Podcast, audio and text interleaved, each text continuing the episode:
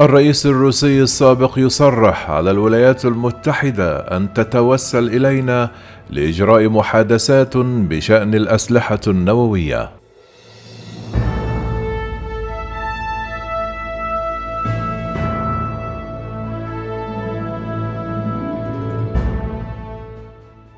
قال ديمتري ميفيديف رئيس روسيا الأسبق يوم الاثنين أنه لا جدوى من إجراء أي محادثات بشأن خفض الأسلحة النووية مع الولايات المتحدة وأنه يتعين على موسكو الانتظار حتى يتوسل الأمريكيون لإجراء مفاوضات. تفاوضت روسيا والولايات المتحدة أكبر قوتين نوويتين في العالم على سلسلة من المعاهدات الرئيسية لتخفيض الأسلحة النووية الاستراتيجية منذ أن تولى رولاند ريغان السلطة في عام 1981 لكن الغزو الروسي لأوكرانيا تسبب في أخطر اضطراب في العلاقات بين روسيا والغرب منذ أزمة الصواريخ الكوبية عام 1962 عندما كان كثيرون يخشون أن يكون العالم على شفا حرب نووية وقع رئيس روسيا الأسبق عندما كان رئيسا من عام 2008 حتى عام 2012 على نيو ستارت وهي معاهدة الحد من الأسلحة الاستراتيجية.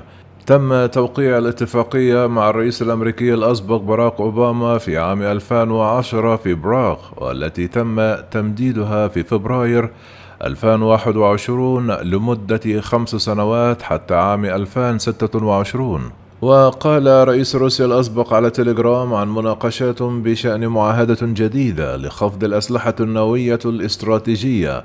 الآن كل شيء أصبح في منطقة ميتة. ليس لدينا أي علاقات مع الولايات المتحدة الأمريكية. إنها وصلت إلى الصفر على مقياس كلفن. قال ميفيدييف الذي يشغل حاليا منصب نائب رئيس مجلس الأمن القومي الروسي. ليست هناك حاجة للتفاوض معهم بشأن نزع السلاح النووي. هذا أمر سيء بالنسبة لروسيا. دعوهم يجرون أو يزحفوا إلى الوراء ويطلبون منا ذلك. تسيطر روسيا والولايات المتحدة الأمريكية على حوالي 90% من الرؤوس الحربية النووية في العالم. مع حوالي أربعة ألاف رأس حربي لكل منهما في مخزوناتهما العسكرية وذلك وفقا لاتحاد العلماء الأمريكيين. كما اقترح ميدفيدييف رئيس روسيا الأسبق الذي سعى على تقديم نفسه على أنه مصلح يريد علاقات أفضل مع الغرب بأن موسكو يجب أن تكون أكثر ثرامة مع الولايات المتحدة.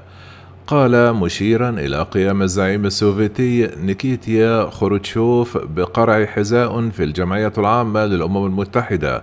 هناك طرق أخرى مجربة للتواصل مع الولايات المتحدة حول هذا الموضوع. بحذاء على منبر الأمم المتحدة كان ينجح في السابق غاضبا من الانتقادات الموجهة إلى الاتحاد السوفيتي لابتلاع أجزاء من أوروبا الشرقية. لوح خروتشوف في عام 1960 بحذاء في الجمعية العامة وذلك وفقا لتقرير معاصر لصحيفة نيويورك تايمز الأمريكية قام بدقه على مكتبه.